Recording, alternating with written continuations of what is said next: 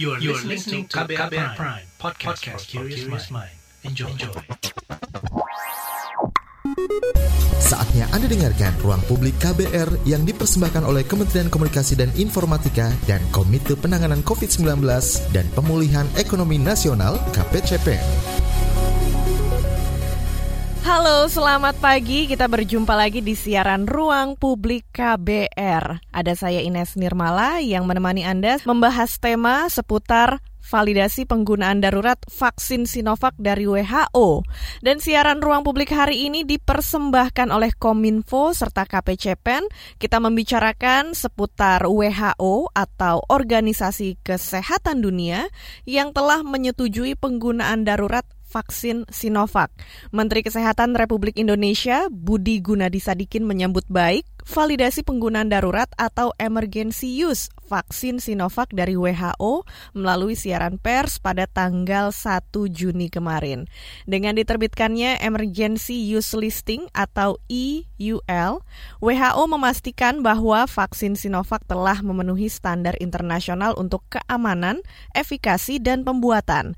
Teruji mutunya karena sudah lewat uji klinis tahap ketiga dan digunakan di lebih dari 20 negara serta berhasil berkhasiat atau mempunyai dampak melindungi dan menyelamatkan nyawa. Riset juga membuktikan bahwa vaksin COVID-19 mampu mencegah kematian dan mencegah sakit parah yang berujung perawatan gawat darurat.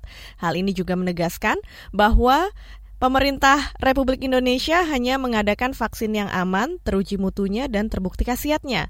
Lalu bagaimana update seputar vaksinasi COVID-19 setelah adanya validasi dari WHO? Dan seperti apa rencana program vaksinasi yang berlangsung ke depan? Dan untuk membahas tema pagi hari ini seputar validasi penggunaan darurat vaksin Sinovac dari WHO, sudah hadir bersama kita Dr. Siti Nadia Tarmizi, MEPIT, juru bicara vaksinasi COVID-19 dari Kementerian Kesehatan Indonesia. Selamat pagi Dr. Nadia, apa kabar? Baik, selamat pagi Mbak Ines, selamat pagi Prof. Selamat pagi juga Dokter Nadia, selamat pagi Mbak Ines. Iya, selamat pagi. Selain Dokter Nadia juga bersama kita adalah Profesor Dr. Sujatmiko dari ITAGI, Indonesian Technical Advisory Group on Immunization. Apa kabar? Selamat pagi Mbak Ines. Iya, baik, selamat pagi. Kabarnya selamat baik dan sehat selalu ya. Amin, terima kasih. Iya, Prof. Sujatmiko dan Dr. Nadia, kita memang masih terus menghadapi pandemi COVID dan tentu saja keinginan kita semua agar Indonesia bisa secepatnya keluar dari pandemi COVID-19. Iya, dan kita juga sudah mendapat kabar bahwa WHO telah memberikan validasi penggunaan darurat vaksin COVID-19 yang uh, sebelumnya ini masih kita tunggu-tunggu ya dari WHO tapi kita dapatkan melalui konferensi pers WHO di awal Juni kemarin. Saya mau ke Dokter Nadia dulu untuk memberikan penjelasan nih, Prof. Uh, Dokter Nadia dulu ya, apa arti persetujuan WHO ini bagi Kemenkes? Uh, terima kasih uh, Mbak Ines. Jadi uh, terkait adanya persetujuan uh, yang kita sebut sebagai emergency use listing dari WHO ya, uh, ini merupakan kabar baik uh, untuk kita semua ya. Artinya uh, kita sebagai salah satu uh, negara yang menggunakan uh, vaksin Sinovac uh, di awal dari proses vaksinasi kita itu semakin uh, meyakinkan kita ya bahwa memang uh, vaksin yang kita gunakan ini benar-benar uh, aman, bermutu dan memenuhi standar WHO. Jadi kalau kita berbicara mengenai uh, uh, uh, EUL atau izin dari WHO ini, ini sebenarnya uh, suatu proses yang terpisah uh, daripada izin uh, penggunaan darurat. Jadi uh, sebenarnya kita sudah tahu bahwa vaksin Sinovac ini kan memang sudah ada uh, uji klinisnya dan uh, juga sudah uh, memenuhi uh, apa yang menjadi beberapa syarat-syarat dari kriteria sebuah vaksin yang direkomendasikan oleh WHO. Yang kemudian juga uh, bersama uh, para ahli dan Badan POM melakukan kajian sehingga tentunya negara kita menerbitkan yang kita sebut sebagai penggunaan darurat. Nah, dengan adanya tambahan terkait dengan EUL atau Emergency Use Listing dari WHO ini adalah uh, menambah lagi ya bahwa uh, informasi terkait uh, tadi mutu serta uh, standar daripada Sinovac ini sudah memenuhi standar WHO uh, dan yang pasti kita men menjadikan kita uh, semakin yakin dan masyarakat ini menjadi penting juga. Tidak perlu ragu-ragu lagi ya karena kemarin kita sempat uh, ada informasi bahwa yang mau datang ke Arab Saudi adalah uh, yang sudah disuntik vaksin yang memenuhi standar WHO. Nah, kebetulan kan kita hanya punya dua jenis vaksin ya saat ini AstraZeneca dan uh, vaksin uh, Sinovac dan tentunya kemarin uh, menjadi salah satu juga yang ke, menjadi keraguan-raguan di dalam masyarakat. Kok ke penggunaan vaksin Sinovac tapi ternyata Arab Saudi kemudian uh, tidak memasukkan Sinovac sebagai salah satu yang bisa uh, di uh, digunakan kalau orang akan melakukan perjalanan ke Arab Saudi. Nah, tentunya dengan kondisi yang kemarin ini merupakan suatu berita yang baik yang menambah keyakinan masyarakat ya bahwa apa yang sudah dilakukan oleh pemerintah dan juga organisasi profesi itu betul-betul e, merupakan pilihan vaksin yang memang bermutu dan yang tentunya akan sangat bermanfaat dalam e, situasi pandemi Covid. Iya, sekaligus ini memberikan uh, sebuah validasi bahwa Sinovac vaksin yang digunakan di negeri ini sudah memenuhi standar internasional dengan adanya IUL dari WHO itu ya Bu ya. Betul sekali. Dengan adanya validasi dari WHO apakah ada yang berubah selanjutnya? Ya, uh, tentunya uh, tidak ada yang berubah ya karena artinya ini uh, semakin mengkonfirmasi ya apa yang kemudian uh, sudah dikaji dan juga sudah uh, dinilai oleh uh, Badan POM kita sendiri bahwa memang Sinovac ini bermutu aman dan memiliki manfaat dan uh, kembali ya diperkuat dengan adanya validasi uh, yang dilakukan oleh WHO dengan uh, vaksin Sinovac ini mendapatkan uh, EUL (Emergency Use Listing) artinya uh, Sinovac itu sama baiknya dengan Pfizer, sama baiknya dengan AstraZeneca, sama baiknya dengan Johnson Johnson. Iya, jadi memang pemerintah Indonesia menyediakan vaksin yang teruji mutunya serta aman dan juga uh, memenuhi standar internasional itu dia ya Bu ya. Selanjutnya saya mau ke Profesor Dr. Sujatmiko dari Itagi. Ini kita juga mau tahu nih Prof, sebenarnya bagaimana sih proses mendapatkan emergency use listing dari WHO? Karena kan kita sudah menunggu sejak sekian waktu ya, baru di bulan Juni ini kita mendapatkan emergency use listing dan untuk vaksin mendapatkan validasi dari WHO ini apa aja yang diuji Prof? Ya, eh, sebelumnya saya jelaskan karena ada timbul pertanyaan dari masyarakat. Loh, izin dari WHO baru keluar bulan Juni, kok kita sudah melakukan imunisasi sejak nah, bulan Januari? Itu gitu dia, kan, ya? betul. Jadi penggunaan vaksin di suatu negara itu diputuskan oleh badan yang mengawasi itu. Kalau untuk di Indonesia ada Badan POM. Nah, Badan POM untuk mengeluarkan suatu emergency use authorization, kalau Badan POM namanya emergency use authorization, jadi uh, izin penggunaan dalam keadaan darurat itu Badan POM melakukan kajian apakah vaksin itu betul-betul aman dan efektif. Jadi intinya dua, aman apa tidak, kemudian dia mampu menimbulkan kekebalan apa tidak. Nah, jadi Badan POM maupun WHO sama-sama mengkaji bagaimana mulai dari fase 1 yang dilakukan bulan April sampai Mei tahun 2020. Jadi setahun yang lalu di Cina dilakukan pada 143 orang dewasa. Ternyata aman dan mampu menimbulkan uh, antibodi yang tinggi. Kemudian dilanjutkan lagi fase 2 masih di Cina antara bulan Mei dan bulan Juni dengan 600 orang dewasa ya. Kemudian ternyata juga aman ya ada keluhan bengkak-bengkak sedikit, pegel-pegel dikit ya kayak kita makan cabai itu pedesan itu kan normal dan mampu melindungi menimbulkan kekebalan yang cukup tinggi. Nah, kemudian dilanjutkan dengan fase 3 di Indonesia, di Turki, di Brasil, dan Chili, ternyata dari fase 3 pun hasilnya bagus, aman, dan mampu melindungi perlindungan di Turki melindungi 83 persen, di Chili 85 persen, di Indonesia 65 persen, ya. Dan kemudian karena demikian maka sampai hari ini Sinovac sudah dipakai di 28 negara. 28 negara sudah memakai Sinovac dan yang sudah disuntik 480 juta orang. Depan juta yang. Nah, di Indonesia sendiri gimana? Indonesia sudah uh, mendapat sekitar 28 juta atau 29 juta ya, di mana ada yang sudah dua kali sekitar 11 juta ya. Dan bagaimana keamanannya? Kalau pada waktu di Bandung pada tahun uh, uh, itu uji klinik yang pertama fase 3 dalam satu bulan perlindungannya 65 persen, tetapi oleh Balitbank pada bulan lalu diuji setelah uh, terutama para medis ya tenaga kesehatan yang sudah disuntik dua kali ternyata perlindungannya antara 94 sampai 96 persen. Bahkan di Thailand juga demikian. Itulah alasan mengapa WHO akhir, akhirnya mengeluarkan uh, apa EUL yang membuktikan bahwa vaksin ini aman dan efektif di 28 negara. Jadi kita semakin bersyukur, semakin yakin. Jadi walaupun kita duluan, kita berterima kasih pada Kementerian Kesehatan yang begitu cepat ber, apa, berebut karena untuk vaksin ini jumlahnya terbatas di dunianya, kapasitasnya 60% sampai 70% dari kebutuhan seluruh dunia.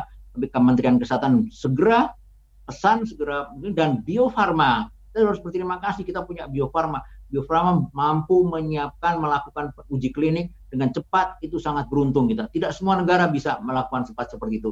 Jadi intinya dengan keluarnya EUL oleh WHO dan dipakai di 28 negara dengan 480 juta unit dan di Indonesia sudah 29 juta pakai maka makin yakin bahwa vaksin Sinovac itu aman dan bermanfaat untuk mencegah COVID. Itu kira-kira Mbak Ines. Iya, dan juga uh, kita tahu bahwa prosesnya juga sudah panjang ya Pak untuk mendapatkan vaksin yang aman dan efektif untuk digunakan kepada masyarakat.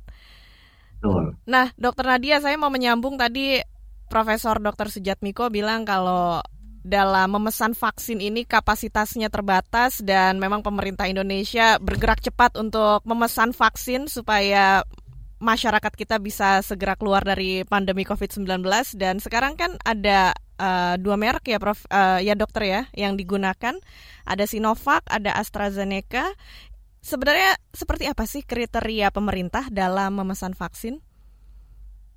Ya uh, jadi kita sebenarnya uh, mencari vaksin yang sudah pasti uh, direkomendasikan oleh Itagi ya karena ada rekomendasi-rekomendasi dari uh, tentunya Itagi dalam hal ini kriteria-kriteria dari vaksin yang bisa kita gunakan. Uh, kalau kita lihat ya memang uh, salah satunya uh, minimal misalnya efikasinya itu harus di atas 50%. Ya karena itu sesuai juga ya dengan uh, efikasi uh, dari uh, yang diminta oleh WHO ya. Kemudian kalau uh, kita lihat uh, yang lain kriterianya adalah misalnya dia uh, menggunakan uh, sistem uh, distribusi yang sudah ada misalnya uh, dengan suhu antara 2 sampai 8 derajat Celcius ya. Kemudian uh, memiliki tentunya uh, manfaat yang besar ya. Jadi ada beberapa hal dari kriteria-kriteria tersebut. Nah, dengan berdasarkan hal tersebut kemudian uh, kita mencoba artinya uh, kita tahu bahwa yang mencari uh, jenis vaksin tersebut adalah Bio Farma ya bersama uh, Kementerian Luar Negeri juga bersama kita untuk melakukan negosiasi. Kita tahu di awal-awal dari vaksin uh, ada itu kan hanya beberapa jenis vaksin saja yang sudah um, hampir menyelesaikan uji klinis tahap ketiga dan kemudian juga um, atau selesai dengan uji klinis tahap ketiga. Jadi uh, tadi yang seperti disampaikan Prof waktu itu Indonesia bergegas ya untuk segera mencari supaya kita bisa segera mulai vaksinasi. Karena kalau kemudian uh, kita terlambat memesan uh, pasti uh, kita nggak akan kebagian vaksinnya karena kita ini adalah uh, sasaran vaksinasinya uh, cukup besar dengan 181,5 yeah. artinya itu butuh 426 juta dosis ya. Nah, artinya itu uh, tidak bisa uh, kalau kita tidak segera uh, melakukan uh, me mencari artinya vaksin uh, yang itu yang pertama, yang kedua adalah uh, tidak satu produsen vaksin yang bisa memenuhi kebutuhan dengan sejumlah uh, dosis yang kita uh, butuhkan itu. Jadi sehingga uh, kemudian kita mencoba dan akhirnya uh, yang kemudian memberikan konfirmasi awal dan bisa mengirimkan uh, di akhir Desember supaya kita betul-betul nanti pada saat uh, selesai uji klinis tahap tiganya kita sudah bisa langsung memulai vaksinasinya itu adalah uh, vaksin uh, Sinovac.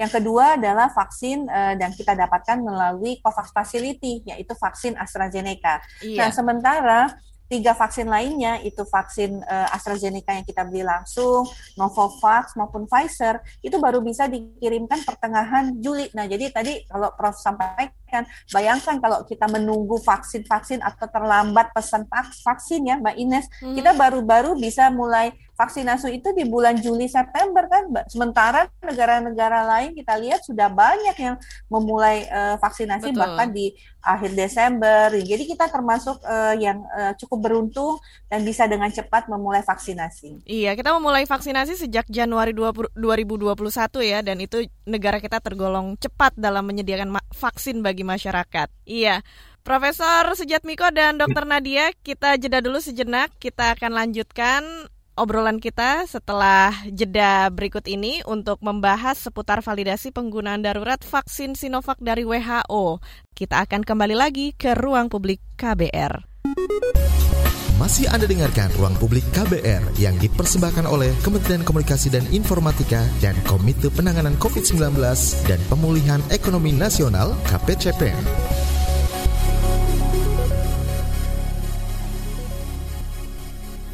Commercial break.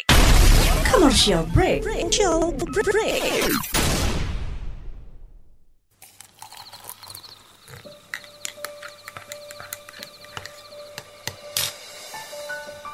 Hai, kamu apa kabar? Masih suka menikmati senja dan kopi? Aku masih ingat kebiasaan kita. Sehabis pulang kerja, selalu mencari tempat untuk sekedar ngobrol dan ngopi. Tapi kadang kita kehabisan bahan obrolan. Aku masih melakukan hal yang sama sampai sekarang tanpa harus takut habis bahan buat ngobrol. Karena aku selalu mendengarkan KBR sore dari Senin sampai Jumat jam 4 sore. Ah, aku rindu. KBR Inspiratif Terpercaya.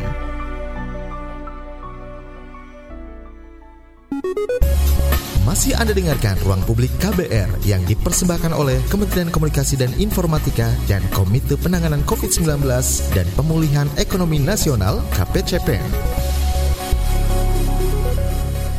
Kita kembali lagi ke siaran Ruang Publik KBR Masih bersama saya Ines Nirmala Dan juga narasumber kita Yaitu Dr. Siti Nadia Tarmizi MEPIT Juru Bicara Vaksinasi COVID-19 Kementerian Kesehatan Indonesia Dan Profesor Dr. Sujat Miko Dari ITAGI Indonesian Technical Advisory Group on Immunization masih membahas seputar validasi penggunaan darurat vaksin Sinovac dari WHO dan tadi kita sudah membahas sebenarnya seperti apa prosesnya dan apa arti persetujuan WHO ini bagi Indonesia.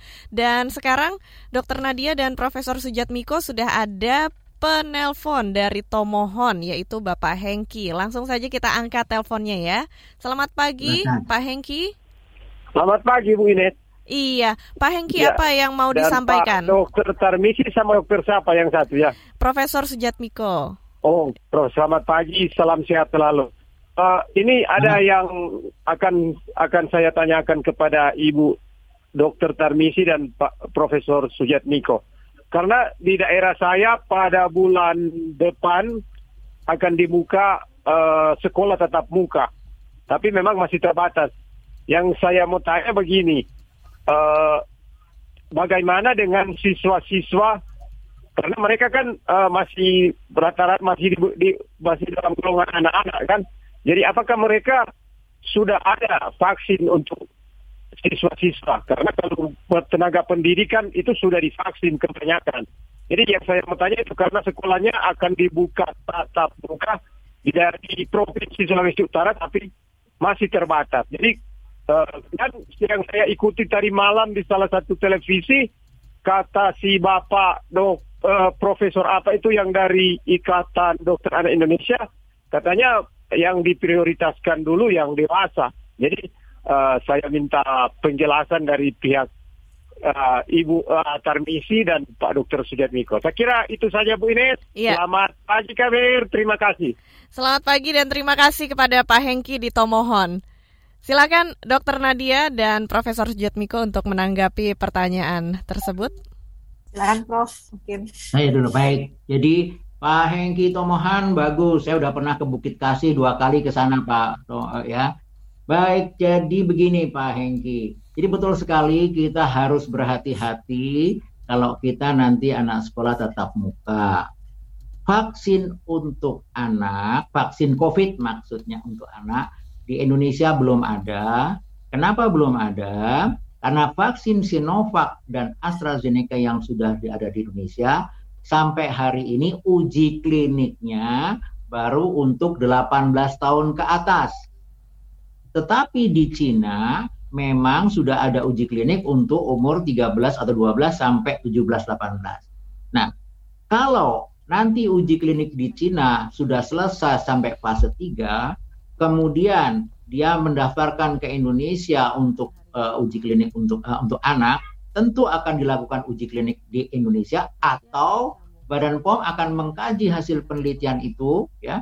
Badan POM itu ada komite ahlinya, komite ahlinya itu juga para para ahli ahli vaksinologi dan kalau ternyata terbukti aman untuk anak umur 12 sampai 17 tentu vaksin Sinovac nantinya akan dipakai. Tapi selama belum ada uji klinik untuk anak sampai selesai fase 3, sementara di Indonesia belum berani memberikan uh, untuk itu, untuk anak. Ya. Nah, kalau berita-berita di luar negeri jangan jangan salah baca atau bapak-bapak sekalian yang di, yang mendengarkan acara ini, vaksinnya beda-beda. Kalau di Indonesia kita hanya bicara vaksin Sinovac dan sementara ini ya yang tersedia baru Sinovac dan AstraZeneca. Nah, jadi bagaimana nih? Tentu tadi sudah kita jelaskan barangkali yang terlambat mendengarkan radio bahwa vaksin Sinovac sudah diakui oleh WHO aman dan efektif, sudah dipakai 28 negara dan efek eh, kemampuannya melindungi berkisar antara 65% sampai 95% dan vaksin itu tersedia gratis di Indonesia seluruh Indonesia. Maka bagi orang tua dan guru ya petugas-petugas di sekolah segera lengkapi uh, segera minta vaksinasi Sinovac atau AstraZeneca tersebut di tempat masing-masing supaya orang tua bisa melindungi anak-anaknya tetapi anak-anak memang belum terlindung ya. Para guru bisa melindungi anak-anak murid tetapi tetap berhati-hati kalau di daerah itu banyak penularan hati-hati. Jadi intinya sekarang belum ada di Indonesia vaksinasi COVID untuk anak di bawah 18 tahun tetapi untuk orang dewasa terutama lansia segeralah berbondong-bondong pergi ke tempat vaksinasi. Mumpung vaksinnya masih banyak, belum tentu nanti bulan-bulan berikutnya bisa banyak. Saya kira itu uh, uh, Iya. Ines. Dokter Nadia ada yang mau ditambahkan? Ya, saya rasa sudah lengkap ya. Jadi memang eh, pasti akan menjadi salah satu eh, kebijakan pemerintah ya kalau kita nanti eh, memang sudah eh, dipastikan eh, mendapatkan eh, rekomendasi juga pertimbangan yang kemudian nanti yang eh, menjadi tugas kita kembali adalah eh, mencari vaksin tersebut ya karena kalau sampai saat ini kan 426,5 juta itu dialokasikan untuk dewasa. Jadi kalau artinya usia di atas 18 tahun. Nah, nanti kalau ada penambahan sasaran tentunya kita harus berhitung kembali dan kita harus menegosiasikan lagi apakah nanti eh, dengan vaksin Sinovac ataupun ada rekomendasi dengan jenis vaksin lainnya karena eh, saat ini vaksin ini benar-benar betul-betul terbatas ya dan kita pernah merasakan itu eh, bahwa di bulan April itu eh, suplai vaksin kita eh, sangat terbatas dikarenakan eh, negara yang produsen vaksinnya itu membatasi. Nah, kita tahu bahwa eh, kalau kita melihat dari angka kesakitan dan kematian, kalau tadi Prof. Sudiatmiko juga sudah sampaikan bahwa saat ini kelompok yang paling besar eh, terhadap kesakitan dan kematian itu adalah pada rentang usia di atas 18 tahun, Pak. Jadi memang nanti kalau terkait dengan uh, pembelajaran tatap muka memang kita harus uh, hati-hati dan yang paling penting adalah kita ini yang dewasa yang sudah memang menjadi sasaran vaksinasi atau yang lansia kalau kita lihat kan lansia ini juga uh, masih ada yang takut-takut divaksin ya karena efek samping. Padahal selama dia tidak divaksin, dia akan menjadi sumber penularan untuk cucu-cucunya. Nah ini yang harus kita eh, dorong juga untuk segera lansia mendapatkan vaksinasi untuk perlindungan diri dia dan dia tidak menjadi sumber penularan pada orang di sekitarnya. Iya, baik. Itu kenapa yang diprioritaskan kepada orang dewasa untuk pemberian vaksin COVID-19 ya. Oke, dan sekarang juga sudah ada pendengar kita berikutnya yang bergabung lewat telepon, yaitu Angga di Krukut, Depok. Langsung saja kita angkat. Halo, selamat pagi Angga, apa kabar? Iya, selamat pagi, baik Mbak Ines. Iya, apa yang mau ditanyakan atau disampaikan? Iya, ya, yang ingin saya tanyakan sama Pak Jatmiko, eh, misalkan kita sudah divaksinasi, itu saya dengarkan uh, tetap menjaga protokol kesehatan. Iya. Yeah. Nah, sampai kapankah kita harus seperti ini? Misalnya kan uh, sesudah divaksin kedua itu kita harus menjaga protokol kesehatan. Nah, sampai kapankah kita harus menjaga protokol kesehatan tersebut? Iya. Itu saja Saya yang terima... mau dita ditanyakan? Iya, terima kasih Mbak Ina. Selamat iya. Pagi. Terima kasih Angga di Krukut Depok. Baik, Dokter Nadia dan Profesor Sujatmiko, pertanyaannya akan dijawab setelah jeda ya. Sekarang kita break dulu sebentar. Kita akan kembali lagi ke siaran Ruang Publik KBR setelah yang berikut ini. Masih Anda dengarkan Ruang Publik KBR yang dipersembahkan oleh Kementerian Komunikasi dan Informatika dan Komite Penanganan COVID-19 dan Pemulihan Ekonomi Nasional KPCPN. Masih di siaran Ruang Publik KBR yang membahas seputar validasi penggunaan darurat vaksin Sinovac dari WHO. Dan juga untuk siaran ruang publik hari ini dipersembahkan oleh Kominfo serta KPCPEN masih bersama dengan kita yaitu Dr. Siti Nadia Tarmizi, juru bicara vaksinasi COVID-19 Kementerian Kesehatan Indonesia dan juga Profesor Dr. Sujatmiko dari ITAGI atau Indonesian Technical Advisory Group on Immunization. Baik, sebelum kita jeda, barusan sudah ada pendengar kita yang bertanya, sampai kapan sih kita harus tetap melakukan jaga jarak dan protokol kesehatan meskipun sudah divaksinasi? Boleh silahkan langsung dijawab. Boleh, saya dulu deh. Iya. Ya, baik. Jadi, bagus. Terima kasih Pak Angga ya dari Krukut Depok. Jadi kalau walaupun sudah divaksin sampai dua kali dengan vaksin Sinovac atau AstraZeneca, perlindungannya hanya berkisar antara 70 sampai 90 persen. Apa artinya? Dari 100 orang yang sudah divaksin, itu sekitar 30 orang, ya 5 sampai 30 orang, itu 10 sampai 30 orang, itu masih bisa terkena COVID walaupun ringan. Itu poin pertama. Jadi perlindungannya ada yang 100% belum ada tidak pernah ada di dunia itu yang 100%. Tapi alhamdulillah. Kenapa? Kalau yang tidak divaksin, kemungkinan terkenanya 100%. Jadi kalau yang tidak divaksin kemungkinan yang kena 100%, sedangkan yang divaksin kemungkinannya hanya tinggal 30%. Artinya perlindungannya tinggi sekali vaksin. Nah, bagaimana terhadap uh, mutan-mutan baru? Alhamdulillah untuk Sinovac dan AstraZeneca itu aman dan ampuh terhadap uh, mutan dari Inggris B117 dan mutan B1657 dari India. Jadi aman. Terus kenapa mesti pakai masker? Itu tadi dia masih bisa tertularkan dari orang lain yang OTG di sekitar kita. Nah kan sudah tes tes genos, tes uh, eh, PCR, tes antigen, saya negatif. Bapak Ibu Bapak sekalian bahwa ke kepekaan tes-tes tersebut, kemampuan tes-tes tersebut hanya mampu mendeteksi sekitar 80 sampai 95 persen menemukan vaksin COVID. Artinya apa? Walaupun tesnya, uh, walaupun dia dinyatakan negatif, tapi sebenarnya kalau ada 100 orang yang negatif di sekitar kita, itu 5 sampai 30 eh, sampai 25 20 orang itu masih sebenarnya positif tapi tidak terdeteksi oleh tes-tes tersebut.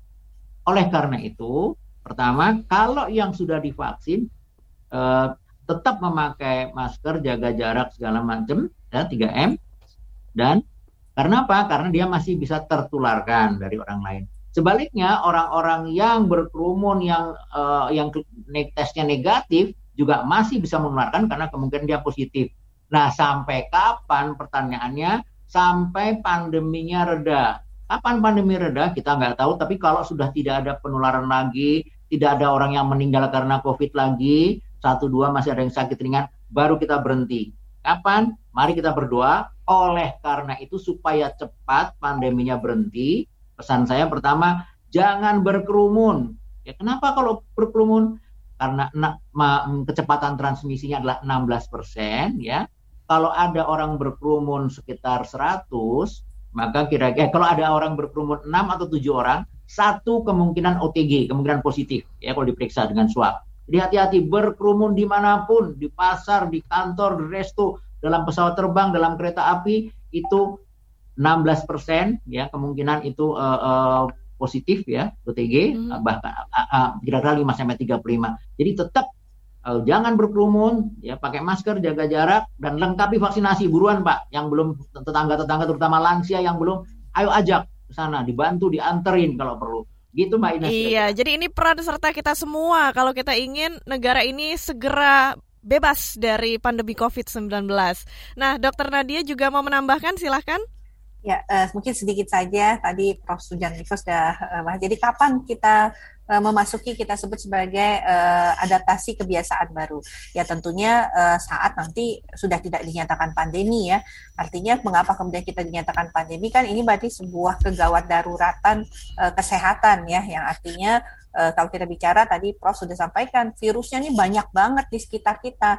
Nah, selama kemudian kita belum bisa mengalahkan virus tersebut, artinya menekan jumlah virus sehingga tidak membuat uh, resiko kesakitan dan kematian kita begitu tinggi, maka tentunya uh, vaksin dengan protokol kesehatan itu harus uh, tetap dilakukan karena ini saling uh, memberikan uh, tentunya upaya perlindungan berganda ya. Jadi kan vaksin ya memberikan perlindungan. Nah, dalam kondisi perang tambah dong perlindungan kita dengan protokol kesehatan. Gitu. Jadi kita bisa lihat e, banyak negara yang sudah hampir vaksinasinya 70% itu mereka sudah mulai melakukan beberapa pelonggaran-pelonggaran. Tapi selama pandemi masih ada, terus di Indonesia ini sudah ada varian baru. Jadi vaksin sama protokol kesehatan itu namanya double protection. Iya, jadi memang vaksin ini ampuh untuk menangkal COVID-19 tapi bukan satu-satunya. Ini harus diperlengkapi juga dengan menaati protokol kesehatan. Baik, sekarang saya juga mau bacakan beberapa komentar yang sudah masuk lewat live chat YouTube. Ada Maharesi Unggul, semoga pandemi cepat berakhir dengan cepat beredarnya vaksinasi. Kemudian juga ada TW Senaputra. Bersyukur proses vaksinasi di negara kita terus berlangsung lanjut apa yang dilakukan pemerintah untuk meyakinkan masyarakat bahwa vaksin ini aman karena masih banyak yang ragu.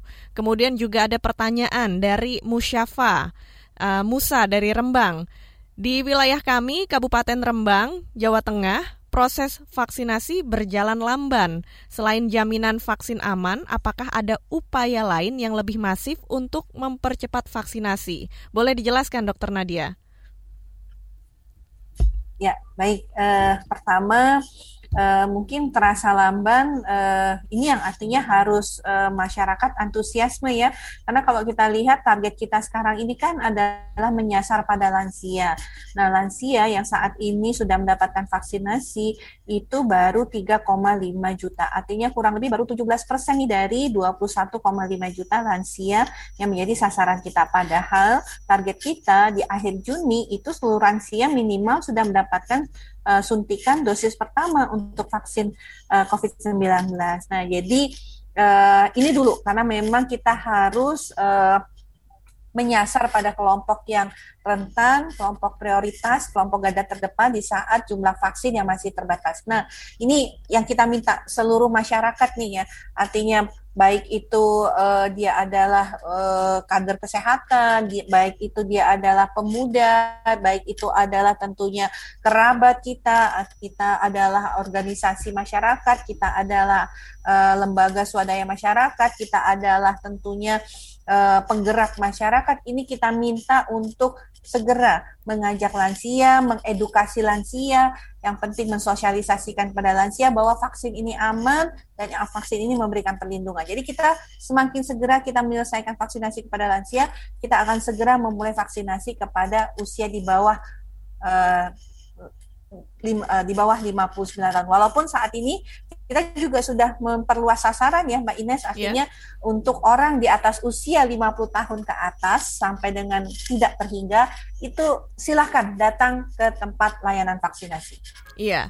Nah, Profesor Sujatmiko, apa ya. rekomendasi dari Itagi supaya program vaksinasi di negara kita ini berjalan lebih cepat dan juga lebih efektif?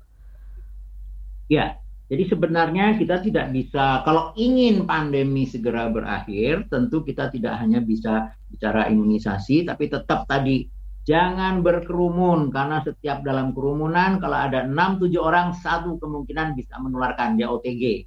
Walaupun sudah tes macam-macam, walaupun dinyatakan negatif, itu kemungkinan masih bisa 5 sampai eh, dari 5 sampai 20 orang dalam 100 orang dalam 100 orang itu masih bisa menularkan karena kemampuan tes itu hanya 80% sampai 92%. Jadi jangan berkerumun nomor satu.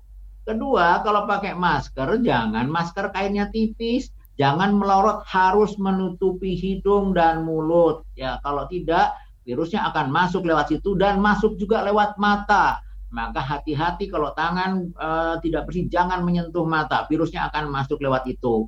Nah, yang ketiga tentu baru vaksinasi ya di samping jaga jarak tadi ya dan jaga kesehatan fisik ya, jangan uh, apa olahraga yang ya yang wajar ya. Nah, vaksinasi. Bagaimana vaksinasi? Tadi sudah disinggung oleh Bu Nadia. Jadi mulai sekarang Bapak-bapak Ibu-ibu yang mendengar acara ini, ayo mulai lewat WA grup atau lewat grupnya masing-masing, grup arisan panci, grup arisan karpet, grup pengajian, ajak teman-teman yang belum divaksin, yang belum pernah sama sekali, ajak untuk vaksin pertama. Yang sudah vaksinasi pertama, kalau sudah sampai yang uh, jadwal yang kedua, harus diajak. Nah, terutama buat lansia. Kenapa? Lansia itu banyak yang tidak tahu ada eh, program ini. Ada yang tahu, nggak ada yang nganterin.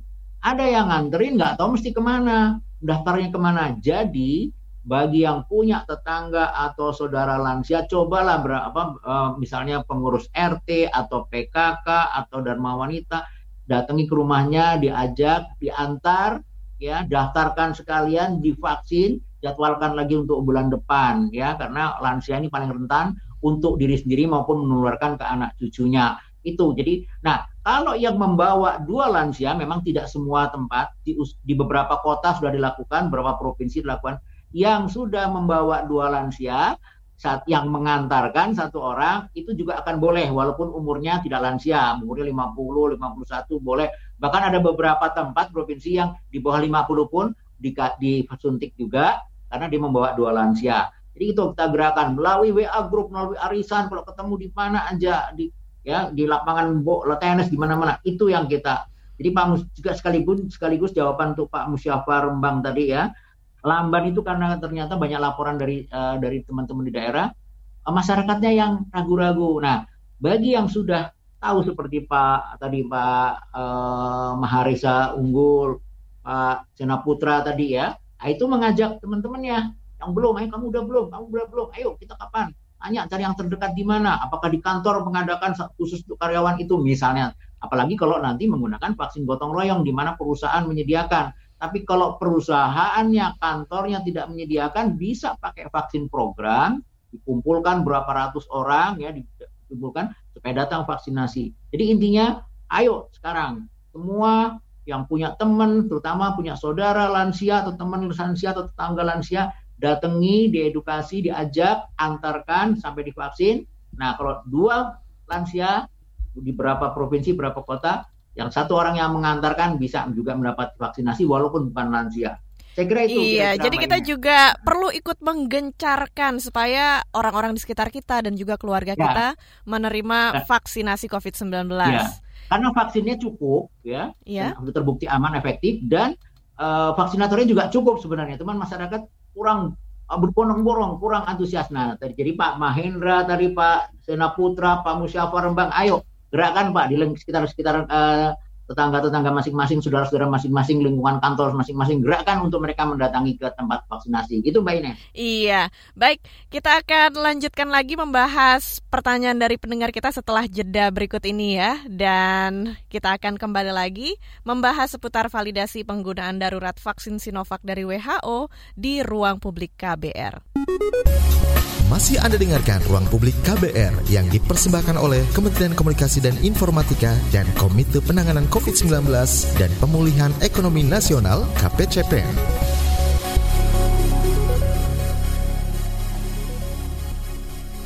Commercial break. Commercial break. Commercial break. Transfer ke sini udah, bayar ini juga udah. Ke gue udah. Heh, Allah, pertumbuhan ekonomi tuh lagi melambat, persis kayak tabungan gue. Betul banget. Harus matang ngelola keuangan. Pengennya tuh investasi sesuatu gitu ya. Apa gitu yang cocok dan menguntungkan? Hmm, coba dengerin uang bicara deh. Gue belakangan lagi dengerin podcast itu di KBR Prime. reksadana yang tadinya 500 juta udah turun dari 250 juta sekarang 10 ribu sama kita ngopi mahalan mana Ketika itu ada keputusan yang kayak begitu, investor harus tahu gitu, oh ada keputusan ini berarti implikasinya apa? Orang mungkin Perluas literasi kamu lewat podcast Uang Bicara. Uang Bicara menavigasi kamu dengan menghadirkan bahasan-bahasan seru dan populer mulai dari investasi sampai kebijakan. Dipersembahkan oleh KBR Prime dan bisa didengarkan di KBR Prime, Spotify, dan platform mendengarkan podcast lainnya. KBR Prime, podcast for curious mind. Baru saja Anda dengarkan Ruang Publik KBR yang dipersembahkan oleh Kementerian Komunikasi dan Informatika dan Komite Penanganan COVID-19 dan Pemulihan Ekonomi Nasional KPCPN. Sekarang kita sudah masuk ke bagian akhir siaran Ruang Publik KBR. Masih bersama saya Ines Nirmala dan juga narasumber kita, yaitu Dr. Siti Nadia Tarmizi, juru bicara vaksinasi COVID-19 dari Kementerian Kesehatan Indonesia, dan Profesor Dr. Sujatmiko dari ITAGI, Indonesian Technical Advisory Group on Immunization. Baik, Dr. Nadia dan Profesor Sujatmiko ini lewat live chat di YouTube ada beberapa pendengar yang menanyakan kaitannya validasi penggunaan uh, penggunaan darurat vaksin Sinovac ini dengan perjalanan haji atau umroh. Ini pertanyaan dari Wikan Wiratsongko dan juga dari Wahyu Setiawan. Dengan masuknya Sinovac ke dalam emergency use listing dari WHO, apakah ada upaya dari Kemenkes dan juga bersama kementerian lainnya seperti Kemenlu ataupun Kemenak untuk melobi Arab Saudi agar mempertimbangkan menerima jemaah haji atau umroh dari Indonesia. Nah ini bagaimana? Prof, uh, Prof. Sujatmiko atau Dr. Nadia mau menjawab terlebih dahulu? Silahkan. Boleh, saya juga boleh ya. Jadi pertimbangan kedua belah pihak ya, pemerintah Saudi maupun pemerintah Indonesia itu tidak hanya semata-mata soal vaksin ya beberapa pertimbangan antara lain bahwa Indonesia penularannya masih tinggi. Jadi tentu berisiko kalau berkerumun, sekali kata kuncinya berkerumun di sana bisa menularkan membahayakan Saudi Arabia maupun negara-negara lain. Sebaliknya juga kita tahu bahwa Amerika juga masih tinggi, sehingga kita juga harus berhati-hati. Kalau kita berkerumun di sana juga berpotensi membawa strain-strain lain, apalagi uh, mutan dari Afrika Selatan itu sangat berbahaya ya kemungkinan ada beberapa vaksin yang tidak begitu mempan. Jadi pertimbangan dari kedua belah pihak baik negara uh, Saudi maupun uh, pemerintah Indonesia tentu sudah dipikir masak-masak bukan hanya masalah vaksin, bukan hanya masalah itu ya. Nah, bahwa nanti vaksin kita sudah diakui WHO itu sebagai penguat untuk yang tahun berikutnya mungkin mungkin saja. Tetapi jelas pernyataan resmi dari pemerintah Indonesia maupun pemerintah sana bukan semata-mata masalah vaksin itu. Jadi banyak tadi mempertimbangkan risiko saling menularkan atau ditulari. Ya kita menularkan ke negara lain karena kita sebagian tentu OTG walaupun sekali lagi Bapak Ibu sekalian yang mendengarkan acara ini walaupun Bapak Ibu sudah tes hasilnya negatif karena tes-tes itu kepekaannya kemampuannya hanya mendeteksi antara 80 sampai 95 persen kalau ada orang 100 orang yang tes negatif, kemungkinan 5 sampai 20 itu sebenarnya positif, tapi tanpa gejala, ya tidak terdeteksi oleh alat itu. Nah itu yang kita khawatirkan. Demikian juga jemaah haji dari negara lain yang walaupun tesnya negatif bisa menularkan ke jemaah haji kita. Jadi vaksin, pertimbangan vaksin bukan satu-satunya yang menyebabkan uh, tahun ini uh, jemaah haji uh, kita tidak bisa mengirim jemaah haji ke Saudi. Itu yang saya tahu. Mungkin iya. Bu Dokter Nadia akan melengkapi lagi. Iya, silakan Dokter Nadia. Ya, eh, pertama adalah eh, syarat untuk eh, bisa berkunjung ya eh, ke Arab Saudi, artinya termasuk melakukan perjalanan ibadah umroh dan haji itu adalah eh, mereka yang sudah mendapatkan vaksinasi yang memenuhi standar eh, WHO.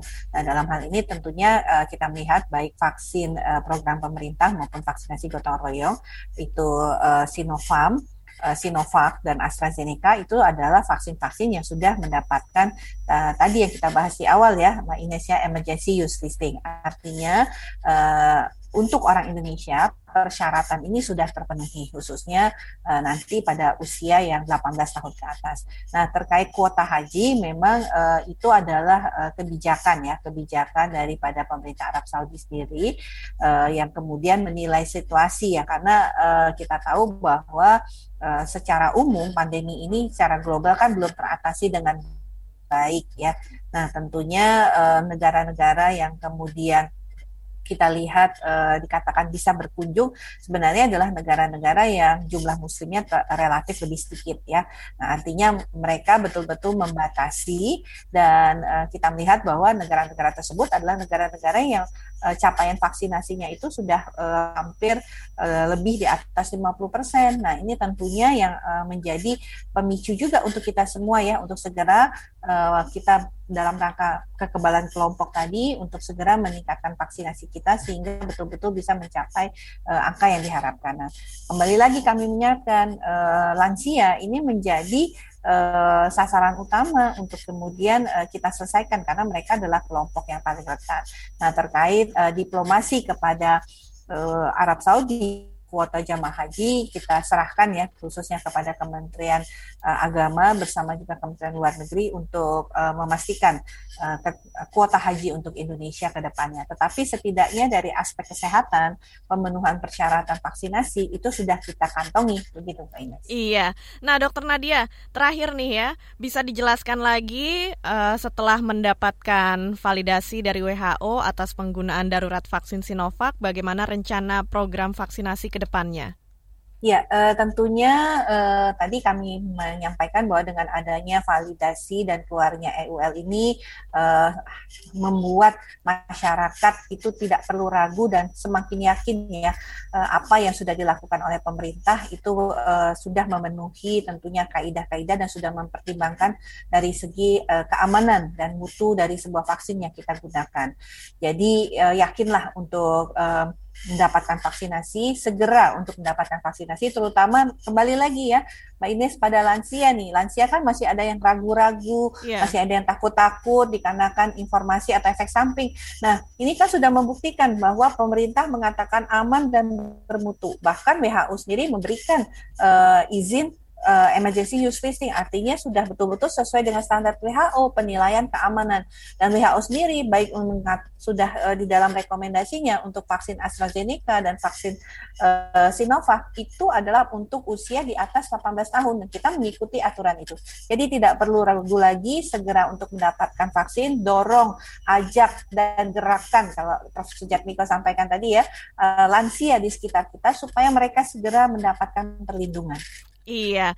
Baik Dokter Nadia dan Profesor Sujatmiko, sedikit saja apa yang ingin disampaikan atau himbauan kepada pendengar kita terkait vaksinasi COVID-19? Ya, kalau ingin pandemi segera berakhir ya para pendengar sekalian, ya jangan berkerumun deh karena kalau berkerumun satu dari enam orang kemungkinan OTG. Nah kalau ada pemudik gimana? Pemudik atau yang sudah ber, berkerumun ya segera disarankan untuk periksa PCR atau rapid antigen ya Jangan bepergian kalau nggak perlu, jangan berkerumun lagi. Kalau terpaksa bepergian, jangan lupa pakai masker, jangan banyak ngobrol dengan orang-orang, cuci tangan, pakai maskernya benar, jangan menutup hidung, jangan melorot ya, cuci tangan dan kalau belum vaksinasi lansia terutama guru ya petugas publik segera vaksinasi. Vaksinnya mumpung lagi banyak nih sekarang sampai bulan Juli mungkin agak banyak ya. Segera cari tiap hari cari di mana yang bisa ya dan kalau ada uh, saudara kita tetangga kita teman kita yang demam batuk pilek sesak jangan dianggap enteng ya. Atau diare ya. Demam batuk pilek sesak diare jangan anggap enteng segera berobat. Kenapa? Jangan-jangan dia kena covid walaupun tesnya negatif sebelumnya bukan berarti bahwa dia aman karena walaupun negatif kira-kira 5 sampai 20% masih bisa positif. Jadi sekali lagi itu vaksinasi dan terbukti vaksin Sinovac maupun AstraZeneca itu uh, sudah terbukti aman di AstraZeneca dipakai di 128 negara, ya Sinovac di 28 negara dan terbukti eh, keamanannya uh, sudah terbukti dan efektivitasnya berkisar antara 65 sampai 94 persen. Jadi jangan ragu-ragu, segera cari tempat vaksinasi ya di mana pun ya. yang berada. Saya kira itu demikian Mbak Ines. Terima kasih banyak Profesor Dr. Sujat Miko dan juga Dr. Nadia sudah hadir dan memberikan banyak informasi di siaran Ruang Publik KBR. Sekarang saatnya kita untuk mengakhiri siarannya sampai di sini dan saya juga ucapkan terima kasih banyak kepada pendengar yang sudah menyimak dan juga terima kasih atas kebersamaan Anda. Saya Ines Nirmala pamit undur diri. Salam. Baru saja Anda dengarkan Ruang Publik KBR yang dipersembahkan oleh Kementerian Komunikasi dan Informatika dan Komite Penanganan COVID-19 dan Pemulihan Ekonomi Nasional KPCPN.